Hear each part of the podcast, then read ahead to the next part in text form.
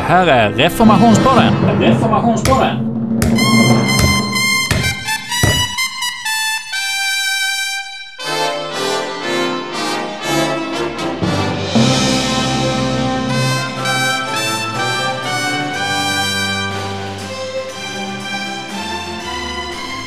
Vi säger välkommen till ett litet planeringsmöte inför Reformationspodden som vi har här, ett litet redaktionsmöte.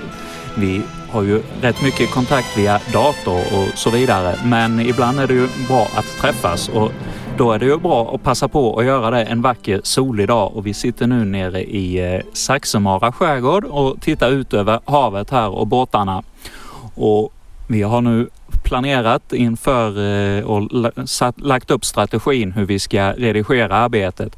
Nu är de flesta av intervjuerna gjorda och vi ska få om en liten stund få höra till ett litet klipp från en av de här intervjuerna. Eh, det är ju Thomas Appelqvist som har gjort intervjuerna och idag på morgonen så lyssnade jag på ett av intervjuerna där vi ska få höra några små klipp som jag tyckte var extra intressanta som vi vill dela med er redan nu. Och Ja, Thomas, du har ju gjort de här intervjuerna nu och vad är det något särskilt du har kommit att fastna för vid de här tillfällena du har träffat som du har intervjuat? Ja, det är en mängd olika saker. Eh, för det första så är det ju så att jag har förvånats över att intresset för att prata om Luther är så stort som det ändå är.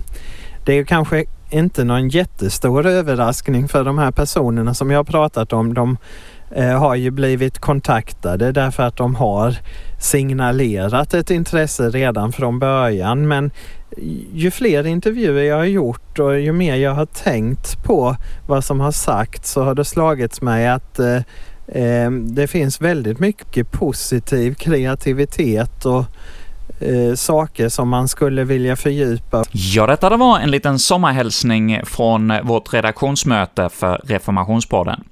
Och nu som avslutning på den här lilla hälsningen så kommer ni att få lyssna till ett klipp med den finska Lutherkännaren och teologen Leif Eriksson, som eh, berättar för oss om det mest centrala ordet i reformationen, rättfärdiggörelse, och vad det betyder och vad det kan innebära för oss idag och vad vi kan ta lärdom av.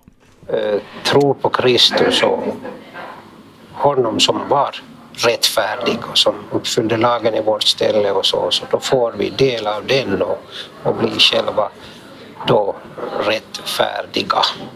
Skuldfria, vi är skuldfria, det är ju ett juridisk, en juridisk term detta att, att, att, att, att vi blir frikända i, i, i domen och är då i den meningen utan skuld och kan då närma oss Gud och, och få det, det, det eviga livet.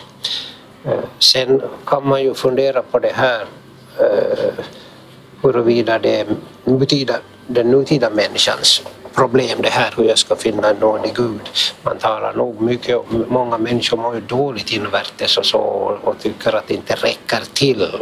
Och, och det kan gälla i, hemma, det kan gälla på arbetsplatsen, det kan gälla bland ungdomar den här kroppsfixeringen och så vidare. Och, det, och, och, men det är inte nödvändigtvis, det är inte detsamma som, som de här, man ställer inte in det här, de här kraven och det här illamåendet i gudsrelationen. Så att det, det där är någonting som är inte så enkelt för oss teologer att, att liksom men det finns någonting att, att ta fasta på att börja med här och, och en del saker här har att göra med nog att, här, att, lagen är någorlunda känd som Paulus säger. Att det finns, kan finnas det här att man, man kanske också ställer in det i gudsrelationen, det här dåliga samvete och så här men, men det är inte det är, det är inte alltid så. Och där är utmaningen för oss att, att, att på något sätt ändå försöka anknyta till det här att det inte räcker till och det, det är då att det är liksom Guds handlar om att, det, att förstå att man inför Gud inte räcker till och att man inte kan leva enligt Guds bud. Mm. Och, det, det, och, och, när man, en människa inser det så då, då kommer kan evangeliet komma in där, när lagen har fått föra till Kristus så att säga. Och det är sådana här frågor jag tror är viktigt att jobba med när, när kunskapen om kristen tro och Guds bud inte mera heller högt i kurs.